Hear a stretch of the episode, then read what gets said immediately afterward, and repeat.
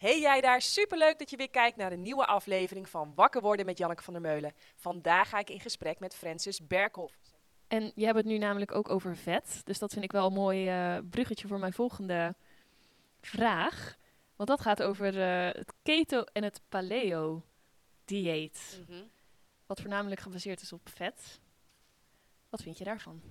Als ik naar de betere onderzoeken kijk, dan kun je daar wel op overleven. Eh, je kunt het daar echt wel even op volhouden. Op, op, op. Maar als je echt eh, wil leven op de toppen van je kunnen en je wilt jezelf vergelijken met de wereldtop, zou ik het niet doen. Het is echt, eh, het is echt eh, ja, je moet je voorstellen, wij zijn een koolhydratenverbrandingsmachine. En koolhydraten, dat is de verzamelnaam voor alle verschillende soorten suikers die we hebben. En als je lichaam die niet binnenkrijgt uit fruit, ja, dan moet het gaan schakelen. En dan moet het, en, en, en, en het krijgt het ook nog eens niet binnen via planten en, en ook niet via eh, eh, granen of pulvruchten. Ja, en, en je gaat alleen maar eh, heel veel vette vis en vet vlees en vette kaas en zo eten, dan, dan zal je lichaam het daarmee moeten doen. En dan gaat je lichaam dus in ketose, zoals we dat dan noemen. En dat is een overlevingsmechanisme. En ik zou het niet te lang doen, want het blijkt desastreus te zijn voor je hersenen. Het blijkt ongelooflijk belastend te zijn voor je nieren en je lever. En eh, je vervalt van de regen in de drup. Als je op die manier bijvoorbeeld gewicht wilt verliezen of je gezondheid een boost wil geven, ehm, dan, dan lijkt het ogenschijnlijk op korte termijn soms wel prettig te zijn. eh, want je lichaam gaat ook heel veel cortisol en adrenaline aanmaken. Waar sommige mensen wel een oppeppend effect door ervaren. Dus die lijken ook ineens meer energie te hebben dan normaal. En sommige mensen gaan zich er ook beter door voelen omdat ze voor die tijd zoveel junkfood aten, als zoveel frisdrank en geraffineerde suikers en andere troep. Doordat ze dat schrappen, eh, stijgen ze ten opzichte van zichzelf wel eh, qua gezondheid. En want wat je vaak ziet, mensen die een keto-dieet of een paleo-dieet, ze gaan vaak ook wel veel meer groente eten. En ze gaan vaak heel veel slechte dingen schrappen. Ze schrappen zuivel, ze schrappen eh geraffineerd suiker, ze schrappen junkfood, ze schrappen... Ja, dat is natuurlijk voor je lichaam, eh, is, dat al, eh, is dat natuurlijk al heel erg prettig. Maar nogmaals, ik zie dat niet als eindstation, ik zie dat als tussenstation. Dus als je het in principe een keertje een maand of twee maanden doet, kan het dan effectief zijn? Of ook dan niet? Want dat is in principe wa- wat keto doet Effectief voor wat?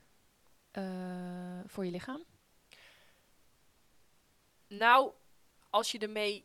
Voor sommige mensen werkt het op een of andere manier omdat ze erdoor afvallen. En afvallen, dat is natuurlijk voor je lichaam sowieso al een cadeau. Ehm, ik vind het alleen zonde, want je kunt ook op een veel gezondere manier afvallen. Maar ja, goed, als, jou die, als jij die kennis niet hebt, wat, wat, wat logisch is, hè, want eh, keto en paleo hebben nogal een marketingbudget. Dus eh, als je Dr. Google raadpleegt, dan komt keto en paleo eh, flink bovenaan drijven. Ehm, dus, dus als dat, dat, dat de enige optie is die je hebt en je valt erdoor af en je gaat daarna over op een win-win methode. Maar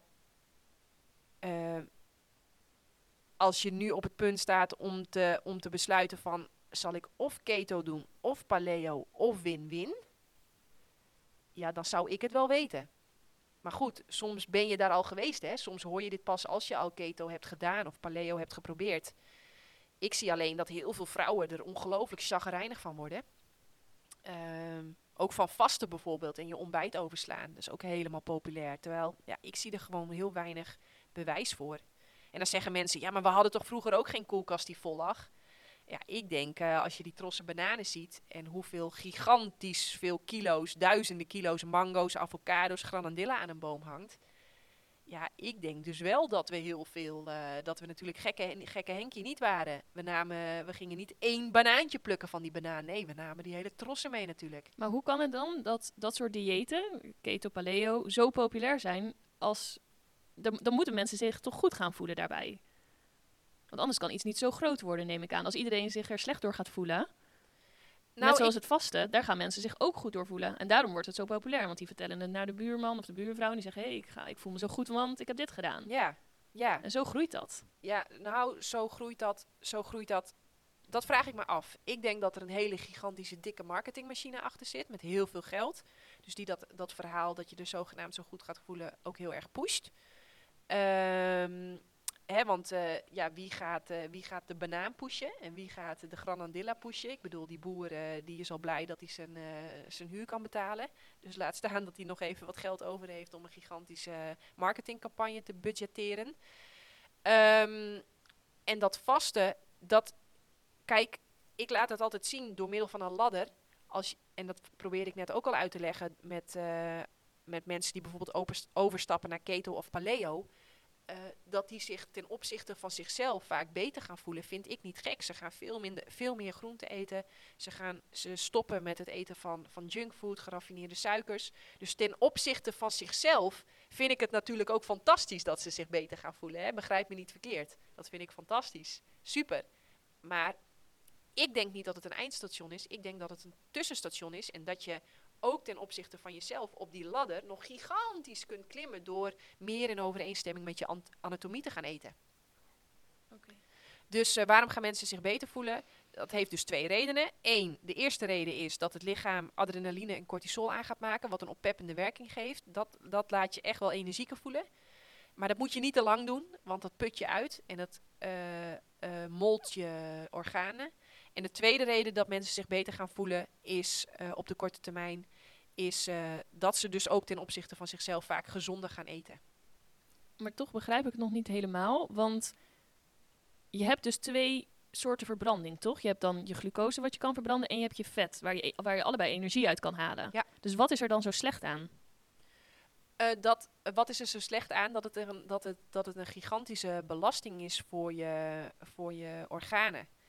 Eh, je moet het je voorstellen dat eh, wij gaan over op vetverbranding als er niets anders meer is. Het is een overlevingsmechanisme. Je lichaam is zo ingenieus dat als er geen essentiële suikers ehm, uit fruit binnenkomt, dat je lichaam over kan schakelen op een andere brandstof. Dat is natuurlijk fantastisch. Dat onderscheidt ons ook van een auto. Dus het is eigenlijk een soort ehm, plan B. Eh, er is niks beter, dan doen we maar. Je, je, je, je zegt het echt fantastisch. Het is inderdaad, het is een plan B. Het is, eh, het is een second best. Ja. Jongens, er is niks beters. We moeten overleven, we moeten door, dus dan maar op deze manier. Oké. Ja. Duidelijk. Ehm, even kijken, wat hadden we nog meer?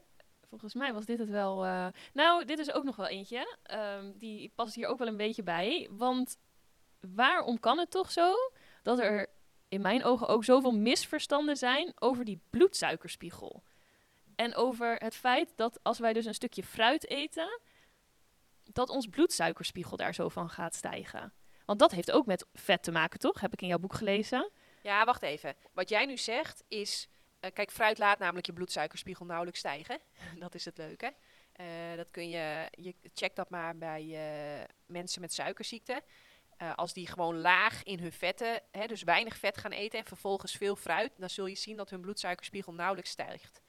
Dus bloedsuikerspiegel, ehm, suikerziekte vind ik dus ook echt een misleidende term, een misleidende naam. Het, het, het, het creëert namelijk de illusie dat suiker het probleem is. Terwijl suiker is niet het probleem. Je, draa- je draait eigenlijk dader en slachtoffer draaien om. Eh, suiker is namelijk niet de dader, suiker wordt, wordt slachtoffer. En waar wordt het slachtoffer van? Als jij veel te vet eet, eh, dan gaat dat vet, dat, dat besmeurt jouw cellen. Eh, dat, dat gaat onder je huid zitten, maar dat gaat ook rondom je cellen en rondom je organen zitten, die dat natuurlijk ook allemaal cellen zijn. En ehm, wat er gebeurt, altijd als jij iets eet, gaat je lichaam dat omzetten in glucose. Dat is de brandstof van onze machine. Ons brein, onze lever, onze nieren, onze spieren. We kunnen op niets anders functioneren dan op glucose. Zodra jij iets eet, is, dat, is die suiker die is op weg naar zijn eindbestemming, de cel. En daar wil het, het wil daar een lege, schone cel aantreffen, waar vloep eh, weer brandstof in kan, zodat die cel optimaal zijn werk kan doen. Wat gebeurt er nou als jij heel vet eet? En dat gaat automatisch als je dierlijke producten eet. Ja, dat vet dat moet ergens naartoe. En eh, ons lichaam is, eh, eh, kwam van de tekentafel in een tijd waarop de schaarste was. Dus als dat lichaam denkt, wow, er is veel te veel, dan gaan we dat maar opslaan. Want ja, misschien komt er nog een tijd van schaarste. Dus dat vet dat gaat zich opslaan in dat lichaam, dat gaat ook rondom die cellen zitten. Dus zodra je iets eet en het vindt daar geen schone cel, maar het vindt daar een met vet besmeurde cel, eh, en het wil daar naar binnen, terwijl er zit een, vieze vette laag omheen en ook een vieze, vieze er zit al, die, die, die cel is niet schoon, niet leeg, maar die is besmeurd. Ehm, dan, dan moet je lichaam insuline aanmaken. Dat is een hormoon, wat dat is eigenlijk de sleutel die zegt, jongens, suiker mag niet te lang in het bloed blijven. Hè, want bloed, bloed is magisch, hè, bloed is fantastisch. En dat, dat moet precies zo zijn. En dan mag, dan mag geen seconde te lang te veel suiker in zitten, want dan veroorzaakt dat allemaal klachten. Dus uh, jij eet wat en uh, dat, dat, die suiker die moet dus die cel in. Maar uh, ja, die, cellen zijn besmeurd, dus die, die, die, het komt daar bij die cel aan en het kan niet naar binnen. Nou, dan maakt, zegt je lichaam dus insuline, wop, die cel die moet open. Dus die cel die wordt dan open en dan wordt dat, die, wat jij eet, dat wordt dan een soort van in die cel gepropt. Zo van het moet naar binnen, het moet naar binnen.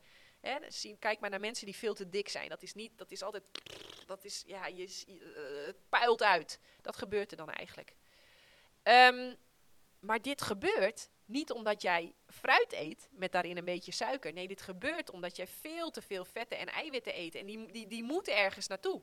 Als jij veel te veel eet en veel te veel vetten en eiwitten binnen krijgt, ja, je, lichaam, je lichaam gaat dat dan toch maar ergens opslaan met alle gevolgen van dien.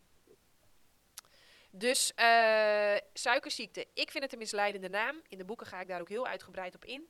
En we zien dan ook dus dat mensen met zowel suikerziekte, hè, diabetes type 1 en diabetes type 2, dat die uh, ja, gigantisch profiteren van een dieet wat heel laag is in vet, optimaal dus. Mm -hmm. Heel laag is in eiwitten, optimaal dus.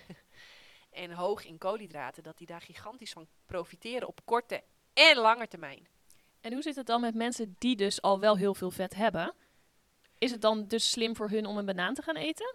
Of hoe, hoe moeten ze dat dan ja, aanpakken? Ja, dat is heel slim. En die moeten ook, uh, die moeten, die moeten helemaal niks. Maar stel je voor, uh, ze zouden dat interessant vinden. Dan uh, is het, zou ik hulp inschakelen om dit onder begeleiding en samen aan te gaan pakken. Ik begeleid nu ook iemand met obesitas. Het gaat echt als een tierlier. Die meid die heeft nog nooit zoveel gegeten in haar leven. Die denkt echt wow. En haar taille wordt super slank. het sporten gaat onwijs goed allemaal, want ze crossfit wel. En, en ze valt echt gigantisch af, terwijl ze dus heel veel eet. Dat is ook heel erg leuk. En ze eet super clean. Ze pakt het echt, echt petje af hoe ze het aanpakt. Maar ze, ze zegt ook, wow, ja, ik, ik, ik, ik moet zoveel mandarijnen en bananen en ik blijf maar eten. En, en, ze, en ze valt af. En wat is nou het moment om vet te verbranden? Dat is wat mij betreft s'nachts, als je ligt te slapen. En waarom is dat? Voor een optimale vetverbranding heb je veel zuurstof nodig.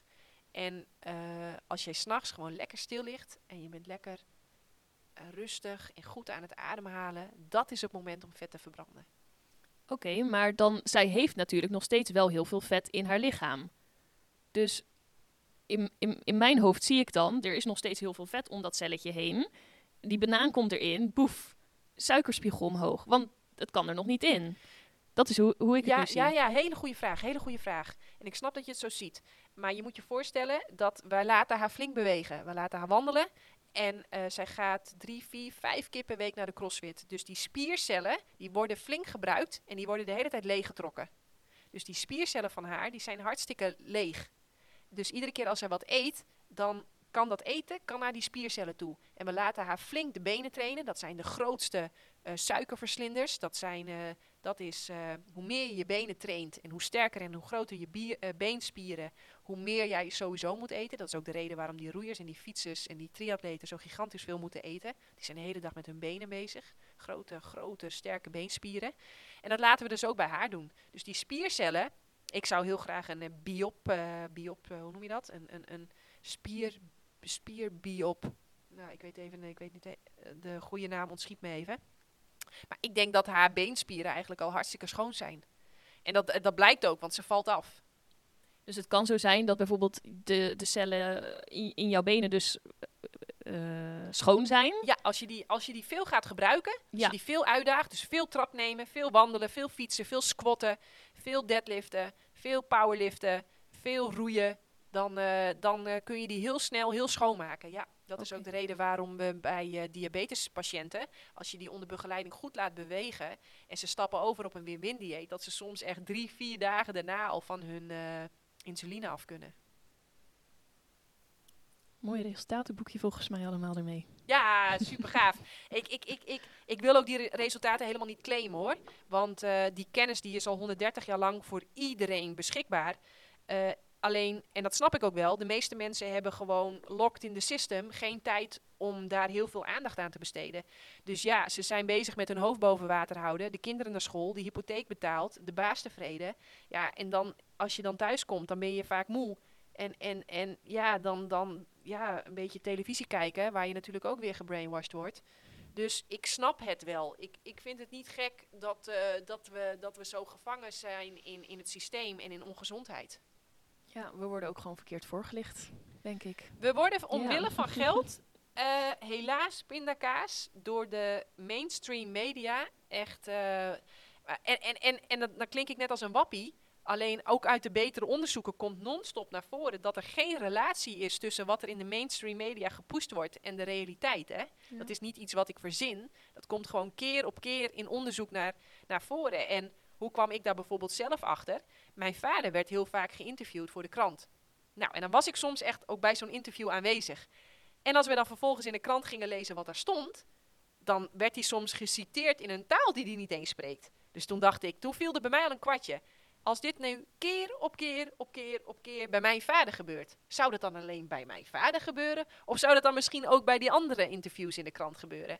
Nou, en toen ging ik dit zo vertellen aan eh, bijvoorbeeld Isabel Veteris, die je misschien ook al voorbij hebt zien komen. Haar vader komt ook heel vaak in de krant.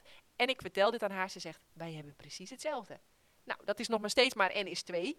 Alleen als je dan vervolgens ook nog in de betere onderzoeken terugleest dat er inderdaad geen relatie is tussen mainstream media, hè, dus wat je in de krant leest, in de, gewoon de reguliere kranten en op het nieuws, en de werkelijkheid, ja, dan begin je toch wel een beetje achter je oren te krabbelen. Ik heb toen direct de televisie eh, van drie hoog naar beneden gedonderd. Weg ermee. De krant heb ik ook direct eh, bedankt, eh, gedag en tot ziens. Ja, ik ga natuurlijk niet, ik ga geen junkfood eten, maar dan ga ik natuurlijk ook niet de hele dag naar junkfood kijken Nee. of lezen. Nee. En hoe zie jij dat dan bijvoorbeeld? Want ik heb eh, voordat we of aan het begin van het coachtraject bloed eh, laten prikken. En daar kwam uit dat mijn cholesterol iets te hoog was. Maar daar zijn ook verschillende verhalen over. Ja. ja, dat klopt. Er zijn heel veel verschillende verhalen over. Terwijl we gewoon best wel helder hebben in, in, in, de, in de onderzoeken met echt de aller, aller, allermeeste bewijskracht, double-blind clinical trials bijvoorbeeld, dat eh, mensen met een laag cholesterol, s- en dat, dat gaat automatisch als je gewoon voor langere tijd op deze manier eet, dat is bijna onmogelijk om die een hartaanval of een broerte te laten krijgen. Maar toch, want mijn moeder die stuurde mij gisteren, eh, eh, want ik was een beetje aan het voorbereiden dit gesprek. Ja. Dus ook met mijn moeder. En die stuurde dus een boek door, nou jouw boek heet De Eiwitleugen, maar er is dus ook een boek De Cholesterolleugen. Ja. Ja, ja, ja. Er zijn ook heel veel boeken over paleo. En er zijn ook ongelooflijk veel boeken over ketose. En eh, er zijn ook ongelooflijk veel boeken over mediterrane diëten. Die adviseren om heel veel vis en wijn te drinken. Ehm, eh, en en, en dat, dat is logisch. 95% van de onderzoeken ehm, hebben alleen eh, heel weinig bewijskracht. En die, maar die kun je wel gebruiken voor alles wat je maar wil. Ehm, Ga ik in de, in de boeken wel helemaal uitgebreid op in hoor. Want al je vragen, ik vind ze super legitiem. Ik snap ze helemaal. Want je wordt de hele dag. Ik werd er ook helemaal scheidziek van. Non-stop al die tegenstrijdige berichten over. En, en je, je wordt op een gegeven moment helemaal moe van wat moet ik nou geloven. En, eh, maar dat was wel voor mij de reden om het allemaal gewoon zelf uit te gaan zoeken. Want eh, ja, om dan op, de, om op mijn 40ste, 50ste met een, hart, eh, met een beroerte of een hartaanval erachter te komen van oeps, ja, nee, toch net niet de goede strategie gekozen. Ja, daar had ik geen zin in. Ik kan beter eh, nu alles maar even uitzoeken. Maar daar heb je heel veel tijd en energie voor nodig om die rabbit hole in te duiken en dan helemaal tot op de bodem aan toe uit te zoeken van hoe zit het nou eigenlijk? Hoe zit het nou? Wat, wat moeten wij nou gewoon eten om fit, fris en vrolijk te zijn? Ja, en daar hebben veel mensen geen zin in. Of geen tijd voor. Of Ik daar ligt hun interesse niet. Dat kan natuurlijk ook. Daar twijfel ik over. Ik denk dat het sy- systeem niet voor niks zo is ingericht dat je gewoon helemaal murf wordt geslagen. Je moet, je moet, als je vier bent, dan moet je al naar school. Moet je de hele dag luisteren naar iets wat je totaal niet interesseert. Je moet stilzitten.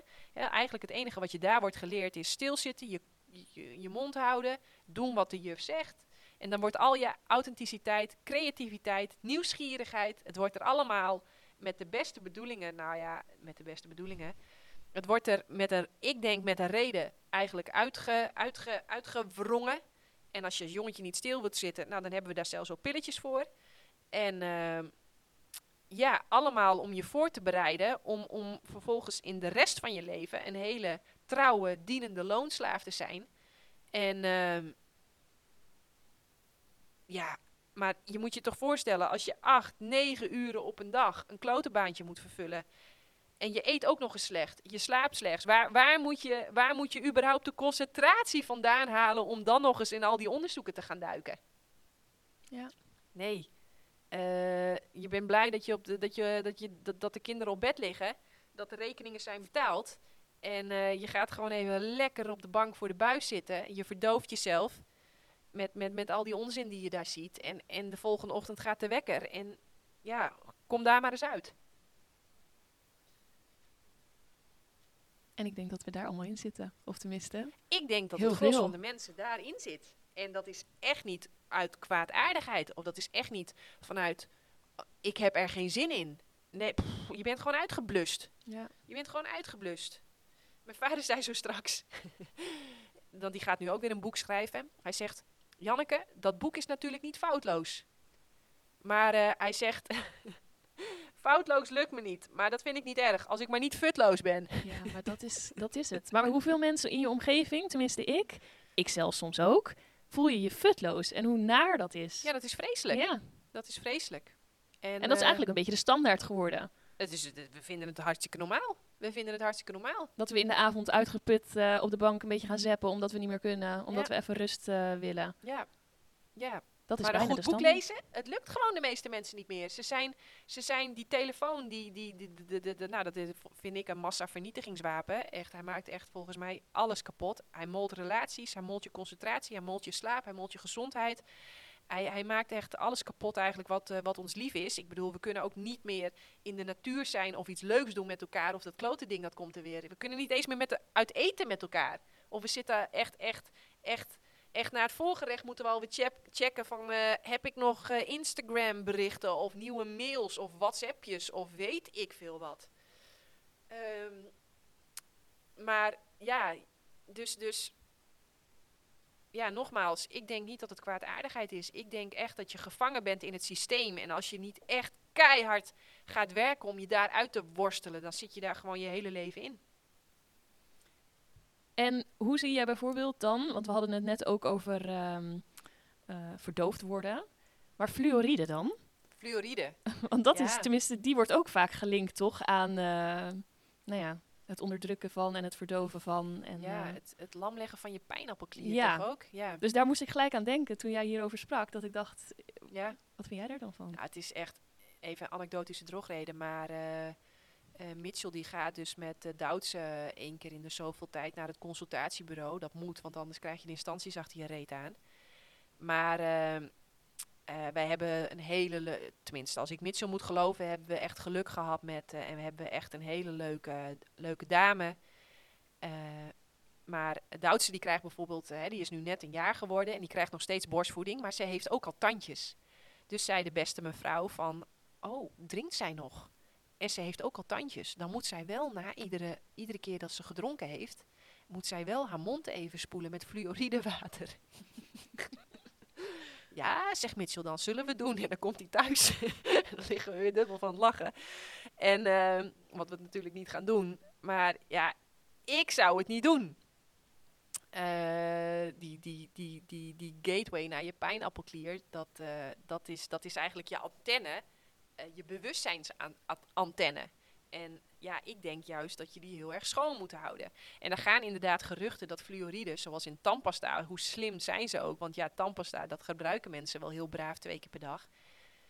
Wat, wat ook gek is, hè, dat wij massaal gebitsproblemen hebben. Er is toch geen dier in de natuur die zo ongelooflijk slecht vreet dat ze gebit eruit rot. Nee, alle tanden, alle dieren, die eten gewoon in overeenstemming met hun anatomie. Dus ook in overeenstemming met hun gebit.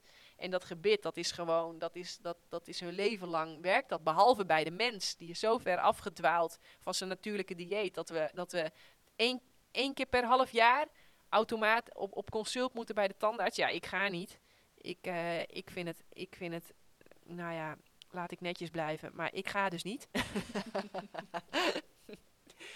nee, ik ga niet. En, eh, en ik poets dus met fluoridevrije tandpasta. Maar, maar toch, de tandarts is de specialist. En die zegt, eh, Ja. pas op met suikers en eh, poets met fluoride. Ja, leuk. Maar nou, dat, dat vind ik heel bijzonder, hè? Want we hebben op de duizend inwoners hebben we één tandarts. Nou moet je nagaan dat, eh, nou, ik ga het naar boven afronden. Laten we zeggen dat 10% van de Nederlanders twee stuks fruit per dag eet. Dat is niet zo, hè? Dat halen we niet. Maar stel je voor, 10% van de Nederlanders eet twee stuks fruit per dag. En 10% van de Nederlanders halen we absoluut niet. Maar stel je voor, het zou lukken, dan eet 10% van de Nederlanders 300 gram groente per dag. Nou, twee stuks fruit per dag is 100 calorieën. En 300 gram groente, ik rond het naar boven af, hè, is eh, nou, 150 calorieën. Dus dan hebben we, ga ik het weer naar boven afronden, hebben we 500 calorieën. Nou, daar, zouden we, daar, gaat niet, daar gaat niet 80% van de Nederlanders te dik van worden, van die 500 calorieën. Nee, dat komt ergens anders door. En die 500 calorieën van de 2000, 3000, 4000 calorieën die we naar achteren proppen, daar gaan we ook niet massale gebitsproblemen van krijgen. Snap je? Is dit helder wat ik nu zeg? Ik snap precies wat je zegt. Alleen blijft het voor mij ook soms zo lastig. Waarom zouden ze ons voorliegen over dit soort dingen? Of waarom zouden ze ons verkeerde informatie geven? Wie is daar... Waarom? snap je mij? Ik, ik, Ja. ik snap jou helemaal. Maar op korte termijn is het wel een gigantisch verdienmodel om ons eh, onwetend en ziek te houden. Ik bedoel, eh, de, ik, volgens mij heeft de 80% van Nederland weer braaf drie prikjes opgehaald in het afgelopen jaar. Dus eh, ja, dat was wel kassa, kassa voor een paar. Ik hoor hier een paar mensen lachen, maar... eh, We Eh. halen het gemiddelde naar beneden. Ja, wij halen helaas eh, voor hun het gemiddelde naar beneden. Ja, aan ons valt niks te verdienen. We vreten de hele dag fruit en planten. We zijn niet ziek. We hebben geen gaatjes. We willen geen vaccin, want we zijn niet bang voor de dood. Dus ja, wat, wat, wat. Ja, aan ons valt niks te verdienen. We kijken geen televisie, we lezen geen krant, we hebben geen Netflix-account. ehm, we, we kopen geen sigaretten, geen alcohol. Het, het, het, ja. Dus waarom, ik, ik vind het een goede vraag. Ik vind het een hele leuke vraag. Het is, het is je gewoon niet voor te stellen. Maar als je het geld volgt, dan blijkt eh, dat er eigenlijk een heel klein clubje mensen is die, eh, die, die, die nou, laten we het even zo zeggen, 10% van de mensen heeft 90% van het geld. En eh, ja, die profiteert er nogal van dat wij gewoon slaaf, slaafs en braaf doen wat er ons voorgeschoteld wordt. En ehm, ja, dan zie je het toch wel. Die, die, die, die, dat kan ik me ook gewoon bijna niet voorstellen. En toch kan ik het me wel voorstellen. En ik zal nu uitleggen waarom. Ik eh, begeef me soms in kringen waar veel, eh, met veel artsen. En als jij hoort hoe die over hun patiënten praten, dan snap ik wel, dan kan ik me wel indenken ergens dat als jij al het geld van de wereld hebt en jij ziet jezelf als superrijk en dus super slim, want ja, wat is anders de reden van het, dat jij zoveel geld hebt? En ons dus als super dom, want je kunt ons letterlijk echt alles wijsmaken wat je maar wil wijsma wij- wijs wil maken. Ja, dat je op een gegeven moment misschien wel in een hè, macht corrumpeert. Dat je vanuit zo'n machtige positie misschien op een gegeven moment wel kan denken van ja, al dat, al dat plebs wat ook nog onze aarde kapot, onze aarde kapot maakt. En onze natuur kapot maakt. Weet je wat? We moeten die lui gewoon dik en ziek opsluiten in hun huisje. Dat ze gewoon de hele dag met hun telefoontje in een digitale wereld zichzelf gewoon een beetje gaan vermaken. Dan wordt onze aarde en onze natuur tenminste met rust gelaten. En eh, weet je, you will own nothing but you will be happy. Ze gaan het ook nog presenteren als dat het ook nog een win-win is. Oftewel, dat het ook voor ons nog gewoon beter is dat wij al onze regie gewoon uit handen geven. En dat wij een beetje dik en ziekig thuis gewoon op de bank zitten. Dat dat, dat dat eigenlijk voor ons ook nog beter is. Ja, ik weet het niet. Het is, het, het, is voor mij natuurlijk ook lastig voor te stellen, zo'n manier van denken. Want ik denk heel erg van, hoe fantastisch zou het zijn als we ons allemaal gewoon massaal gaan voeden met groente en fruit. En dat we eh, ja, onze unieke, creatieve zelf blijven. En dat wij de wereld en de aarde en haar natuur gewoon als school gebruiken. En dat we gaan uniek, op een unieke manier gaan bijdragen. Ieder met zijn eigen unieke talent. En uh, ja, hoe fantastisch zou dat zijn? Ik zie dat ook wel voor me. Maar jij wordt heel ongelukkig van die wereld die je net schetst. Maar er zijn natuurlijk ook heel veel mensen die het wel gewoon goed vinden. En die oud worden in een wereld zoals dat. Die gewoon uh, gebruik maken van alles. Van alle geneugden van wat het allemaal brengt. En heel oud worden. En heel gelukkig zijn. Dus is het dan zo, uh, zo slecht? Ik weet ook niet of het slecht is. Kijk, ik denk dat wij niet kunnen bepalen wat goed en slecht is. Hè. Dat Mhm. is iets van het ego. Ehm, het is. En ik word er ook niet heel ongelukkig van. Want ik heb mezelf. En eh, ik geloof dat er. eh, ja, ik geloof dat er op dit moment überhaupt heel veel mensen aan het wakker worden zijn. En, Mhm. eh, eh, maar ik denk dat het bewustzijn op dit moment zo gigantisch aan het groeien is. Dat we steeds minder eh eraan mee gaan doen. Je moet je ook voorstellen dat stel je voor, niemand was bang geweest voor de dood. En ze hadden ons dan allemaal die prikjes willen verkopen. Die vaccins willen verkopen. Ja, dan was iedereen zoiets, had iedereen zoiets gehad van... Ja jongens, als het mijn tijd is, dan is het mijn tijd hè. Dan ga ik dat niet proberen te rekken of te voorkomen door middel van een prikje. Dan hadden ze natuurlijk niemand iets verkocht. Dus jij gelooft niet in, we doen het voor de ander. Jij denkt, iedereen die neemt die prik voor zichzelf, omdat ze bang zijn om ziek te worden. Eh, ik zie wel dat heel veel mensen dat genomen hebben voor de ander. Dat hebben ze natuurlijk super slim gedaan, die marketingprogramma's. En uiteindelijk deed iedereen het voor de ander. Nou, als iedereen het dan voor de ander doet, dan kunnen we het ook wel massaal niet doen. Maar dat deed dan weer niemand. Ja, als je op de hele afdeling het voor de ander doet, dan kun je ook wel zeggen, nou, dan kunnen we het ook allemaal niet doen. Maar dat gebeurt dan niet. Maar eigenlijk kan ik dus erin concluderen dat we van alle kanten wordt het ons wel heel erg moeilijk gemaakt. Of het nou een vaccin is, of het nou fruit is met pesticiden erop, of het nou, eh nou ja, is. Eh, Het wordt ons heel moeilijk gemaakt van alle kanten. Ja, leuke vraag. Ja, ik denk inderdaad dat het ons. Ik, ik, ik, ik voel een, een tikkie weerstand, maar ik denk inderdaad dat je wel gelijk hebt dat het ons moeilijk wordt gemaakt. Ja, wordt het ons moeilijk gemaakt of maken we het onszelf nou moeilijk? Want uiteindelijk ben je natuurlijk wel zelf verantwoordelijk. Ja, want dat vind ik wel mooi dat je zegt. Want zolang wij ons er niet zo druk over maken, hoe moeilijk is het dan? Ja, ik vind het ook niet moeilijk. Ik bedoel, ik. ik eh, maar ja, is dat geluk? Is dat wijsheid? Heb ik geluk gehad? Heb ik nou, heb ik, ben ik gezegend met een brein wat, wat eh, naast werken dan ook nog kan studeren? Ben ik gezegend met een brein wat eh, de telefoon gewoon links laat liggen? Is dat, is dat geluk? Is dat wijsheid? Dat weet ik natuurlijk ook niet. Dat weet ik niet. Ik weet alleen wel dat waar een wil is, is een weg. En als jij je omringt met personen die bijvoorbeeld al willen of hebben of weten wat jij ook graag wil of weet of wil hebben, dan en je legt je kleine houtje langs naast dat grote brandende blok, dan gaat jouw eigen eh, houtje vanzelf ook branden. Dus ja, waar een wil is, een weg. Als jij zoiets hebt van ik, ben, ik vind het wel prima dat ik ziek en dik ben en ik leg me daarbij neer. Alleen dat zie ik niet. Ik zie iedereen worstelen met ziek zijn. Ik zie iedereen worstelen met te dik zijn. Ik, heb, ik, ik ontmoet heel zelden iemand die zegt van, ach weet je wat. Ik zie altijd dat ze moe gestreden zijn. Mensen die, die oké zijn met dik zijn, dat is altijd omdat ze moe gestreden zijn. Omdat ze zoiets hebben, ik heb alles al geprobeerd, dat denken ze dan. Ehm, ik, ik, ik, ja, ik geef het op en ik berust erin, want die strijd, ik word er helemaal scheidsziek van. Ehm, wordt het ons moeilijk gemaakt? Wordt het ons moeilijk gemaakt? Ja, ergens wordt het ons wel moeilijk gemaakt. Maken we het onszelf moeilijk? Ja, we maken het ook onszelf moeilijk. Je bent zelf uiteindelijk verantwoordelijk. Ja, lastig, want de kracht van de situatie is echt groot.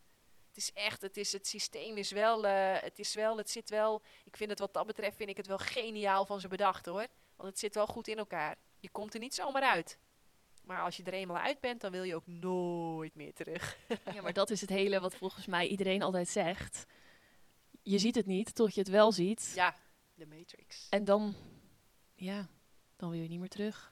Dan wil je niet meer terug. Je kunt ook niet meer terug, Nee. volgens mij. Je kunt niet meer En dat is denk ik dan ook met de win-win eh, eten. Tenminste, zo ervaar ik dat. Ik, Ja, wist, ik, weet, ja, ik heb jou ook verteld. In het begin dacht ik, ik hoorde jouw podcast eh, met Giel Belen een jaar geleden voor het eerst. Ik denk, wat zegt die vrouw en wie is dit? En nou, pff, ik heb hem volgens mij halverwege uitgezet, want ik dacht, nou, dit kan niet kloppen. Dus toen was ik er niet klaar voor. Maar nu ervaar ik het en dan wil je niet meer terug. Ja, Dus wat is dat? Dat je er soms niet klaar voor bent voor iets. En dan opeens het ziet, of opeens wel. Want ik weet niet wat er gebeurde. Ik ging nog een keer jouw podcast luisteren, of ik kwam je nog een keer tegen. Of... En toen dacht ik: hé, hey, ik vind het toch wel interessant. En dan ga je verder onderzoeken. En dan. Ja, heel grappig is dat, hè, wat je nu zegt. Ja. Ik heb ook wel eens een boek gehad, dat, heeft, eh, dat kreeg ik in 2014. Dat heb ik een maand gelezen, heb ik dat, geleden heb ik dat gelezen. En dat was het juiste boek op het juiste Ja. moment. Dus ja, joh, misschien, eh, misschien is er wel iemand met een ongelooflijk magisch plan die eh, allemaal touwtjes in handen heeft. En die, wie daar klaar voor is, eh, nee, dat, dat weet ik ook niet. Dat weet ik ook niet. Dat is, dat, ja, grappig is dat, hè?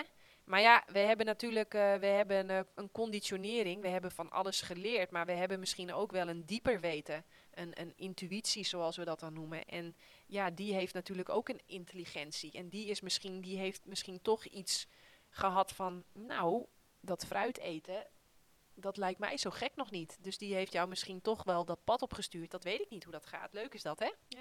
En vanuit daar leer je dan ook weer andere dingen. Want nu ben ik begonnen met fruit. Nou, en dan vanuit daar kom je weer verder. En leer ik weer nieuwe dingen.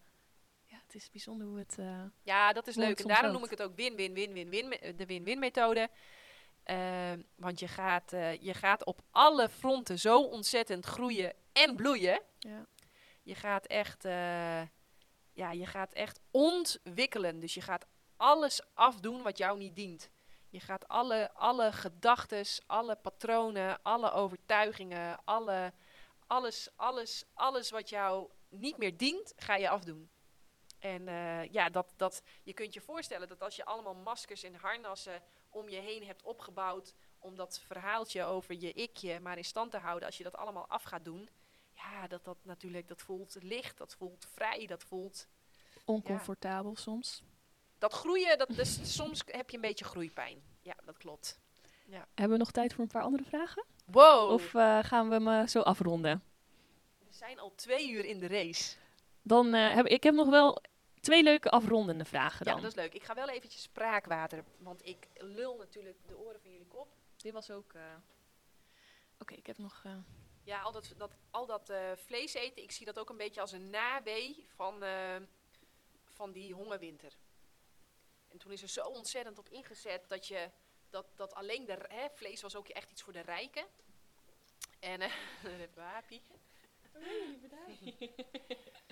Ehm, dat vlees was iets voor de rijken, dus daar is ook helemaal zo'n sfeer omheen gecreëerd dat, ja, als jij rijk bent, eh, ja, dan kun jij je vlees veroorloven. Ik had het daar ook over met mijn vader. Dat, eh, dat was heel wat, want zij eh, konden in de straat iedere dag wel zowat een kip per Mm. persoon eten. Nou, dat gaf hun echt aanzien. ja. Terwijl eh, er waren ook families, ja, die konden zich dat financieel niet per, permitteren. Ja, dat waren echt de sloebers. Dat werden gezien als de armoedzaaiers. Maar vroeger was dat ook fruit. Toch? Als je kijkt naar die tekeningen van vroeger, van die koningen en keizers, dan had je altijd die grote fruitschalen. Of dan had je zo'n zo'n keizer met een stukje, een tros eh, druiven boven zijn gezicht hangen. Ja, maar hij was wel zo ongelooflijk moddervet, omdat hij al het werk uitbesteedde aan zijn, eh, aan zijn, eh, aan zijn slaven, om het maar even Mhm. zo te zeggen. En zelf de hele dag eh, dierlijke producten aan het eten was. Oké. Dus eh, hè, jicht en, en zwaarlijvigheid en hart- en vaatziekten, dat was vroeger iets wat alleen bij de koningen en de keizers voorkwam. Oké, Oké, voor de laatste twee vragen ehm, heb ik nog de allereerste. Ook jij bent niet perfect, dus wat snack je graag? En eet je ook wel eens patat of chips?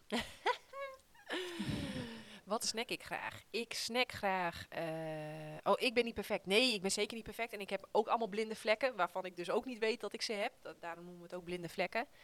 Eh, en, en, en, en hoe meer je weet, hoe meer je beseft dat je allemaal nog niet weet. En eh, dus ik ben ook niet perfect. Nee. eh, en, en onthoud dat, hè. Ieder mens struggelt in zijn leven met ongeveer dezelfde dingen. En we hebben ook alle mensen all over the world hebben dezelfde behoeftes. Mhm. En we zijn.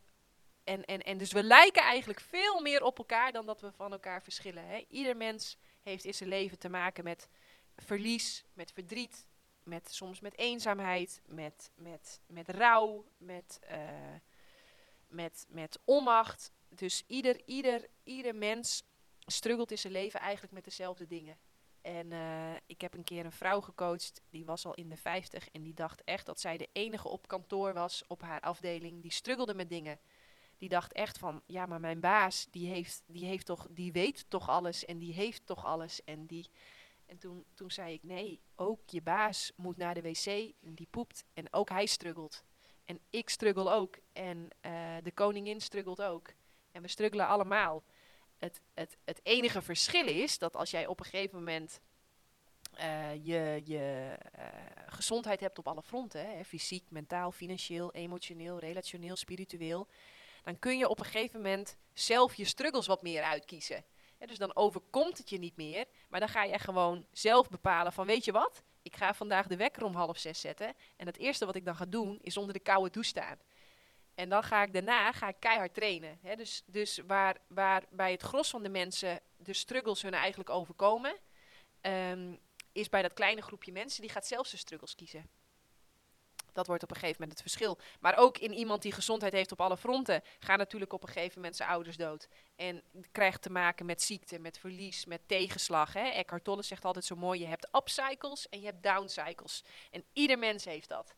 Uh, dus ieder mens heeft wel eens dat alles voor de wind gaat en alles lijkt te groeien en te bloeien. Omdat, om het vervolgens weer herfst te laten worden, waarin alles afsterft en, en, en alles. En dat, en dat moet ook, want dat creëert weer ruimte voor nieuwe dingen. Um, dus uh, nee, niemand is perfect. Uh, wat is perfectie dan ook? Dat vraag ik ook altijd. Hè. Mensen zeggen, ja, bij jou lijkt alles zo perfect. En dan zeg ik, oké, wat, is, wat is perfect dan? En met wie vergelijk je dat dan? Hè, we zijn met 7 miljard mensen op deze wereld. Ik, ik, knap als je dat ver gaat, gaat vergelijken. Hè, maar perfectie of dingen van, van beter dan of mooier dan of beter voor elkaar hebben, dat is natuurlijk allemaal, dat zijn allemaal dingen van het ego. Die wil de hele tijd vergelijken.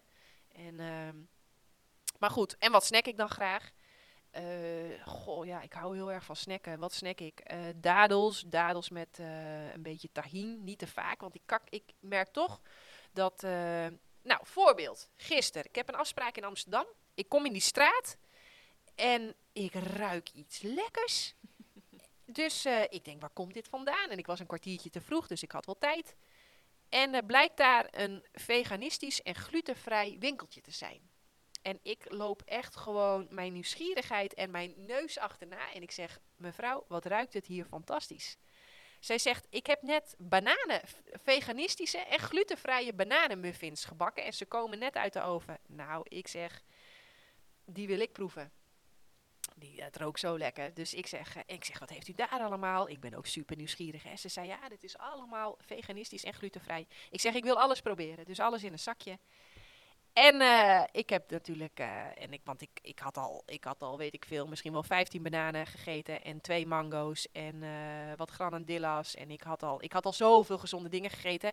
En dit was ook allemaal gezond. Dit was glutenvrije broodjes waren het. Drie verschillende soorten glutenvrije broodjes. En het was dus die bananenmuffin. En ja, ik vond dat allemaal wel lekker. Dus, uh, en het was ook allemaal wat zoutig, weet je wel. Dat kan ook soms wel lekker zijn. Wat, wat ik, uh, normaal los ik dat allemaal op met zeewier en zeewier chippies. Gedroogde zeewier is dat. Gebakken gedroogde zeewier. Erg lekker. En ik ga dat allemaal eens zo eens wat eten. En ik eet dat allemaal eens wat op. En wat ik toch weer heel erg grappig vond, was... Ik had toch zoiets van, grappig, ik heb nu veel gegeten. Maar om nou te zeggen van, wow, wat geeft me dit veel energie ik vond het medium. En wat me ook heel erg opviel, ik had dorst. Ik had heel erg dorst. Terwijl als je heel veel fruit en zo eet, dan heb je geen dorst. Soms denk ik wel eens, wow, ik, ik drink eigenlijk bijna niet. Eh, maar als je heel veel praat, dan moet je dus wel drinken. Maar als je dus heel veel van die gebakken dingen gaat eten, hoe lekker het ook was, dan ik kreeg ook heel erg dorst. Vond ik toch opvallend. En ehm, dus eh, snack jij wel eens wat? Ja, ik ben heel nieuwsgierig. Als ik ergens kom en ik denk, wow, dat ken ik niet, dan wil ik alles proeven. Ik lust ook echt alles. Dus snacken, snacken, snacken. Ik zit even te denken, wat snack ik? Een zak paprika chips. Gaat er nooit meer in bij jou. Of wel? Nee, en het grappige is, dat heb ik als kind, vond ik dat al vreselijk. Ik kocht wel heel veel zakken chips en dan trok ik die aan de onderkant open. Eh, want daar zaten altijd alle flippo's. en dan haalde ik alle flippo's eruit en de chips, daar deed ik niet eens wat mee. eh, want ik had altijd, ik kreeg dan eh, gescheurde mondhoeken. En ik kreeg heel schraal gehemelte. Dus eh, nee, als kind eh, mochten wij altijd op vrijdag iets uitkiezen voor het weekend. En ik kocht dan wel zelf van mijn eigen zakgeld chips voor de flippo's. Maar ik, kocht altijd, ik ko- koos altijd studentenhaver uit.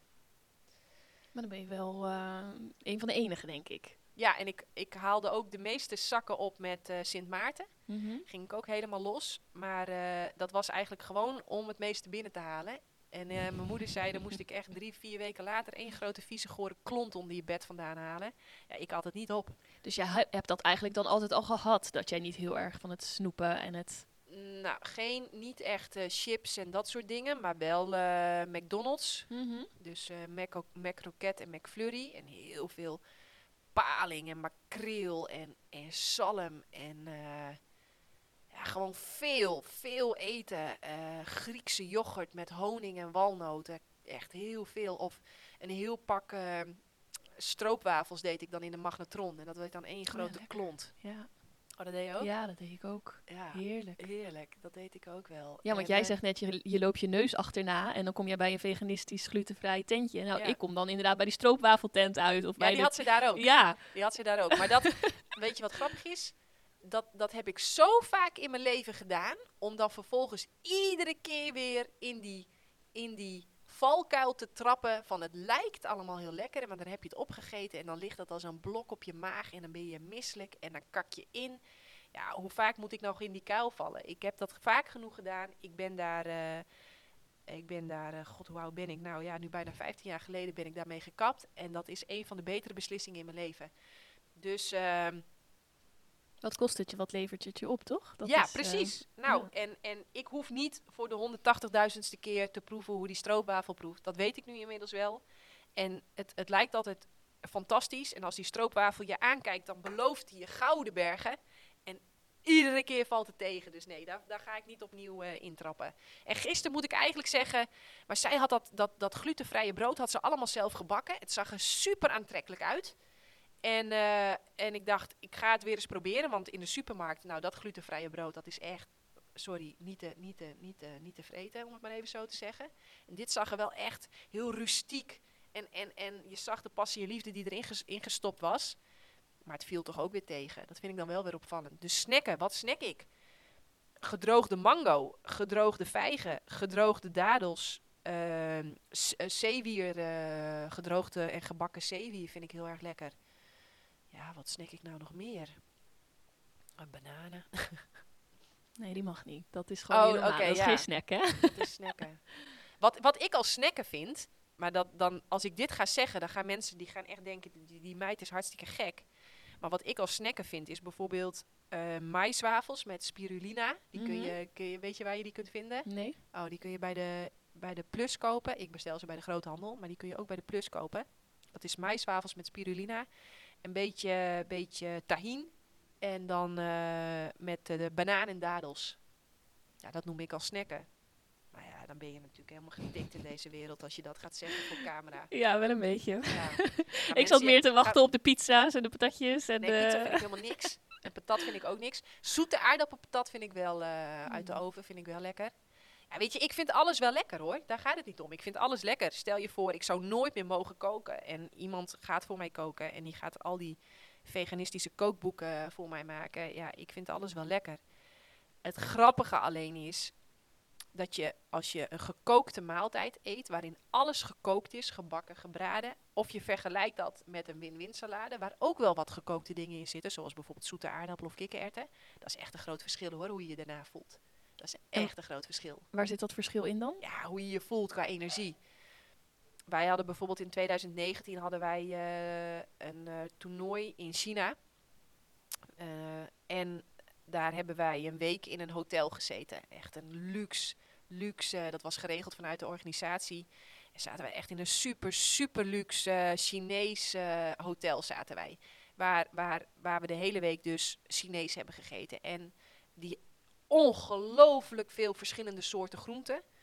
En heel veel verschillende soorten, eh, ja, echt, echt zoete aardappel. En, en het was echt, ehm, maar het was wel grappig dat nadat wij een week zo gegeten hadden, en toch veel gekookt, en toch veel gebakken en gebraden, en toch veel zouter dan thuis, dat op een gegeven moment zei zelfs Mitchell dat ik ben er wel klaar mee, eh, Janneke. Ik ben er wel klaar mee. En dat vond ik toch wel grappig, want ik had dat ook. Hoe lekker ik het ook allemaal ergens wel vond, als je op een gegeven moment ja, weet hoe het is om heel veel van dit te eten, ja, daar raak je op een bepaalde positieve manier toch ook wel aan verslaafd hoor. Maar voornamelijk in de winter, winter wil je toch gewoon warm eten? Ja, ik zou zeggen, zet de kachel wat warmer dan of zo. En ga kijken wat dat met je doet. Want inderdaad, als ik helemaal verkleumd, omdat ik nat geregend ben of nat gesneeuwd of ik heb heel erg gezweet, maar ik douche niet direct. eh, en je bent een beetje kouig, dan, dan zit er op een of andere manier ook in mijn hoofd opgeslagen van volgens mij moet ik nu havermout met, met walnootjes, rozijntjes en een beetje kaneel gaan eten. En dat doe ik soms ook wel gewoon hoor. En ik eet ook natuurlijk wel curry en dat soort dingen. Maar ik heb eerder het idee dat dat komt omdat we te koude voeten hebben en te koude kleding aan hebben. Dat we ons gewoon eigenlijk eh, beter moeten aankleden. Wij zijn een diersoort gemaakt voor rondom de evenaar. Hè. Wij, houden van, wij houden van die lekkere, lekkere warmte met zo'n briesje. Daar houden wij van. We houden niet van het dampige, van het broeierige. Wij houden van, ja, als het dan koud hier is, dat is voor ons overleven. Dan gaan we alles uit de tent trekken om het ons zo comfortabel mogelijk te maken. Maar ik, zou, ik ben heel benieuwd als jij eens eventjes dan extra veel kleren aan gaat trekken. Of de kachel wat hoger. Of eh, gaat emigreren naar Zuid-Spanje. wat, het, wat dat met je gaat doen. Oké. De allerlaatste. De allerlaatste. De allerlaatste. Wat jouw favoriete restaurants zijn in Nederland? Vegan restaurants. Waar gaan we beginnen? Ik denk dat ik ze allemaal uit nieuwsgierigheid wel geprobeerd heb. Mhm. En ehm, dat vind ik ook leuk. Want ik maak Mitchell er ook heel erg gelukkig mee als wij gezellig met z'n tweetjes of met, met andere mensen eventjes als bedankje of voor de gezelligheid of wat dan ook uit eten gaan. En ehm, ja, ik vind alles ook lekker. Mijn favorieten. Hangt er ook een beetje van af wat, wat, wat, wat wil je, hè? Komen, komen we net uit een roeiwedstrijd en zijn we met een hele groep en willen we gewoon snel en veel?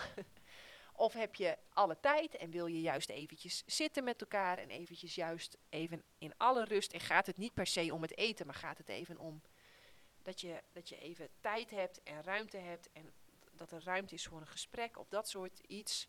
Maar ik zou zeggen, download de app Happy Cow en ga gewoon al die veganistische restaurants soms dan ga ik er ook gewoon puur naartoe om de tent te sponsoren. En om te laten zien van super gaaf dat jullie er zijn. En wat gaaf dat jullie hier. En dat is dan misschien niet allemaal helemaal gezond. Maar ja, boeien, mijn basis is zo ongelooflijk gezond. Eh, ja, en, en, en, en trouwens, ik ben ervan overtuigd dat, dat, dat fruit en planten zijn zo ontzettend gezond. Dat zelfs als je die, die, die beknutselt, bebakt, bebraadt en weet ik veel allemaal wat ik ga niet zeggen dat het het aller, aller, aller, aller, allerbeste is. Maar dat is echt nog steeds zo ongelooflijk goed.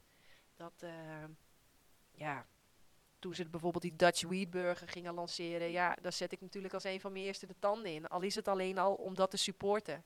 Om het te proeven, om het te ervaren. Dus eh, vind het ook wel grappig. Heel veel mensen denken altijd dat ik alleen maar fruit eet en super spastisch ben. Maar eh, ja, ik heb zoiets. Als ik die dag al eh, twee groene smoothies heb gehad en, eh, en allemaal andere gezonde dingen. En ik word s'avonds ergens uitgenodigd. En dat is misschien dan niet helemaal eh healthy, healthy, healthy. Maar wel super, super lekker. Ja, dan ben ik daar als de kippen bij natuurlijk. Dus als we het net een beetje over snacken hadden en wat dan jouw, eh, nou ja, wat jij snackt, dan snack je niet per se, maar hier geniet je wel heel erg dan van. Ja, daar geniet ik wel heel erg van. Met dan ook wel weer dat als ik dat dan te lang of te vaak doe, dat ik toch wel zoiets heb. Ik wil toch wel weer graag vanavond echt gewoon even lekker mijn win-win salade. Of morgen vroeg, dan ga ik gewoon lekker weer die groene smoothie. Want ja, dat, dat voelt toch wel, dat is toch wel, ja, wat ik zeg, als je dat eenmaal hebt ervaren, als je dat voor langere tijd hebt gedaan en je voelt wat dat voor je doet, ja, dat is toch wel heel lekker hoor. Dan wil je niet meer terug. Ja, dan wil je niet terug en toch laat je je af en toe verleiden om eens even lekker helemaal anders te doen. En dat is dan ook lekker. Ja. Ja. Maar dierlijke producten, dat zal ik echt nooit meer doen. Ik weet hoe slecht het is, maar ik weet ook het verhaal wat erachter kleeft. Dus ook vanuit spiritueel oog, eh, oogpunt ga ik mij niet meer. eh, nee, nee, nee. En ook niet de melk, de zuivel of de eieren. Ik, ik weet wat voor leed eraan kleeft. Ik weet hoe slecht het is voor je eigen gezondheid. Dat zou ik echt nooit doen. Maar zolang wij binnen het fruit- en plantenrijk blijven, dan, ehm, ja, dan eh, dat, dat, vind ik, eh, dat, dat vind ik leuk. En of het dan iets vetter is of iets eh, meer eiwitten, of dat maakt dan niet uit. Ah nee joh, dat maakt Nee. dan toch, dat maakt toch niet, dat maakt, als die basis staat, dat is ook leuk juist van het creëren van een basis of het hebben van ritme en regelmaat. Dan kun je een keer afwijken, Ja. zonder, dat je dat, zonder dat je daar last van hebt. Ja. Dat is, dat, dat, daar, dat- daar is het juist voor. Maar goed, dus de app Happy Cow downloaden en zelf op vind ik onderzoek wel. gaan. Vind ik wel. En wat ik ook zo leuk vind, hè, wij- door, die, door, dat, door dat sporten wat wij doen, komen we echt over de hele wereld. En eh, hè, we hadden bijvoorbeeld, eh, eerst waren we in China voor een toernooi en daarna waren we in Hongkong. Ja, daar hebben we natuurlijk alle veganistische restaurants hebben we daar geprobeerd. En overal, ja, dat is natuurlijk leuk. En eh, ja, we hebben, en, en, en Mitchell is ook een goede eter en een grote eter. Wij bestellen ook meestal gewoon de echt, als het kan, de hele menukaart. Want ja, dan willen we alles proberen. Ja. Maar wie doet dat nou? Ja, wij doen dat omdat we daar gewoon ontzettend van genieten. En wat, wat dan ook altijd gebeurt is, hè, dan bestellen wij iets van zes hoofdgerechten en vijftien voorgerechten. en dan komen ze daarmee aanlopen. En dan zien ze bijvoorbeeld alleen maar tafeltjes met twee mensen. En dan hebben ze echt zoiets van, huh? Van wie is Dat dit? klopt niet. Wat, wat, wat, wat is hier fout gegaan? En dan is het echt, als wij dat dan zien, iemand zo, dat, en dat is al zo vaak gebeurd, dan is het dan Mitchell, nee ja, het is echt voor ons. Echt ja, zet het allemaal maar op de tafel, echt waar. Ja, en dan gaan wij gewoon proeven. En ik neem soms van alles maar één hapje. Eh, dan vind ik het wel weer prima. Tenzij er iets bij zit wat ik echt heel erg lekker vind of zo, dan ga ik daarop los. Maar ik kan me ook heel goed, dat ben ik ook zo blij mee, dat ik me inmiddels heel goed kan beheersen. Hè, ik eh, kan me ook nog wel herinneren dat dan, dan, dan wilde je het niet, maar dan deed je het toch. En dan, of, dan, of dan wilde je het eigenlijk niet, wel niet. En dan zat je in zo'n vreselijke strijd. Daar ben ik gelukkig ook helemaal van af. Ja, die zelfbeheersing, daar hebben wij het ook wel vaak over. Heb ik Ja. ook, da- dat is een van mijn zwaktes, of zwaktes, verbeterpunten. Of, eh, En het gaat al zo ongelooflijk veel beter. Dus dat is echt Ja. wel leuk om te zien. Ja, en dat, dat, dat, ik ben ook zo blij dat ik dat nu helemaal onder de knie heb. Dus ik kan gewoon van alles een hapje nemen en dan alles proeven en daar heel erg van genieten. En, ehm, maar is dat dan niet zonde? Want wat gebeurt er dan? Je neemt één hapje, je, neemt, eh, je, je bestelt zes gerechten, één hapje en de rest gaat weg weer? Weg? Gegooid? Nou, Mitchell eet alles op. Mitchell eet veel op en eh, je kunt altijd om een doggybag vragen hoor. En dan neem het gewoon mee. Wat ik ook bijvoorbeeld wel eens doe. ehm, wij hebben hier een Chinees even verderop. En die heeft ook allemaal veganistische gerechten op zijn kaart staan. En eh, bijvoorbeeld twee dagen geleden waren mijn ouders op bezoek. En ehm, eh, dan zeg ik tegen Mitchell, haal even die broccoli schotel van eh, bij de Chinees. En dan koop ik zelf ook nog allemaal biologische broccoli. En dan, en dan hussel ik het eventjes. Mm, Dus ja. dan is het niet zo vet en zo zout als wanneer je het rechtstreeks van hun kaart zou eten. Maar dan heb je wel net eventjes die smaken die ik zelf niet, dat, wat ik, ik beheers dat niet. Ja. En dan, en, dan, en dan nou, zitten we er allemaal super lekker van te eten. Of het, dat is hetzelfde met kant-en-klare hummus. Laatst eh, was er zo'n bakje bij ons beland. Dat zou mijn moeder wel mee hebben genomen, of mijn zusje, of weet ik veel wie. En als je dat rechtstreeks op je boot doet, het is te vet, het is te zout, het is te, te overheersend. Maar toen heb ik er eventjes eh, een, een grote pot kikkererwten bij gedaan en twee avocado's in de keukenmachine. En toen hebben we er met z'n allen super lekker van gegeten. Dus ja, zo gebruik ik het dan een beetje. ja, je hebt het nu over brood. Ik had ook nog een vraag over broodbeleg, maar ik heb nog heel veel vragen voor de volgende keer. Voor de volgende keer. Laten we dat doen. Sowieso heel erg dankjewel voor al je vragen, voor je interesse. En ehm, ja, ook voor je, open, open, open, open mind. Zeg ik dat zo goed? Ja, Ja. voor je open mind. En je nieuwsgierigheid, je onderzoekendheid. Ik denk dat dat ja, eh, je überhaupt heel erg ver gaat brengen. Want eh, ja, ik weet niet. Ik zie dat toch wel als een hele belangrijke eigenschap. En eh, ja, ook voor je tijd. Dat je de tijd hebt genomen om... want we zitten hier nu, 2,5 uur. Ja. Tijd om af te ronden. Ja. Maar eh, ja, heel erg leuk deze, dit, eh, zoals we dit nu samen aanpakken. Ja, vond ik ook. Heel erg bedankt. Dankjewel. Leuk! Vind je dit leuk? Vind je dit gaaf? Deel het dan volop op je social media. Of uh, stuur het door bijvoorbeeld naar vrienden of familie waarvan je denkt: ja, die hebben ook deze vraag, die spelen hier ook mee. stuur het door. je kunt ook naar jannekevandermeulen.nl gaan, daar vind je de knop doneren. Doneer je iets, eh, ieder bedrag, ontzettend bedankt, ontzettend gaaf. Je kunt ook naar de website gaan voor de boeken. Dat is de enige plek waar je deze boeken kunt kopen. Het enige boek wat nog eh, eh, verkrijgbaar is, is De Eiwitleugen. De eerdere twee boeken, Supersnel Herstel en Eten Win zijn uitverkocht. Komen ook niet meer terug. Met een beetje geluk kun je bij Opbod af en toe een boek op Marktplaats kopen. Ik zag laatst al dat Eet Win Win daar voor 80 euro is verkocht. Waar ik heel erg om moet lachen, want ik heb altijd voor de grap gezegd: koop zo'n boek nu voor een paar tientjes. Want het wordt een collectors item. En dat zei ik dan altijd voor de grap en nu is het zo. Nou ja, in ieder geval, ehm, heel erg leuk. Dankjewel voor het kijken, dankjewel voor het luisteren en tot de volgende keer.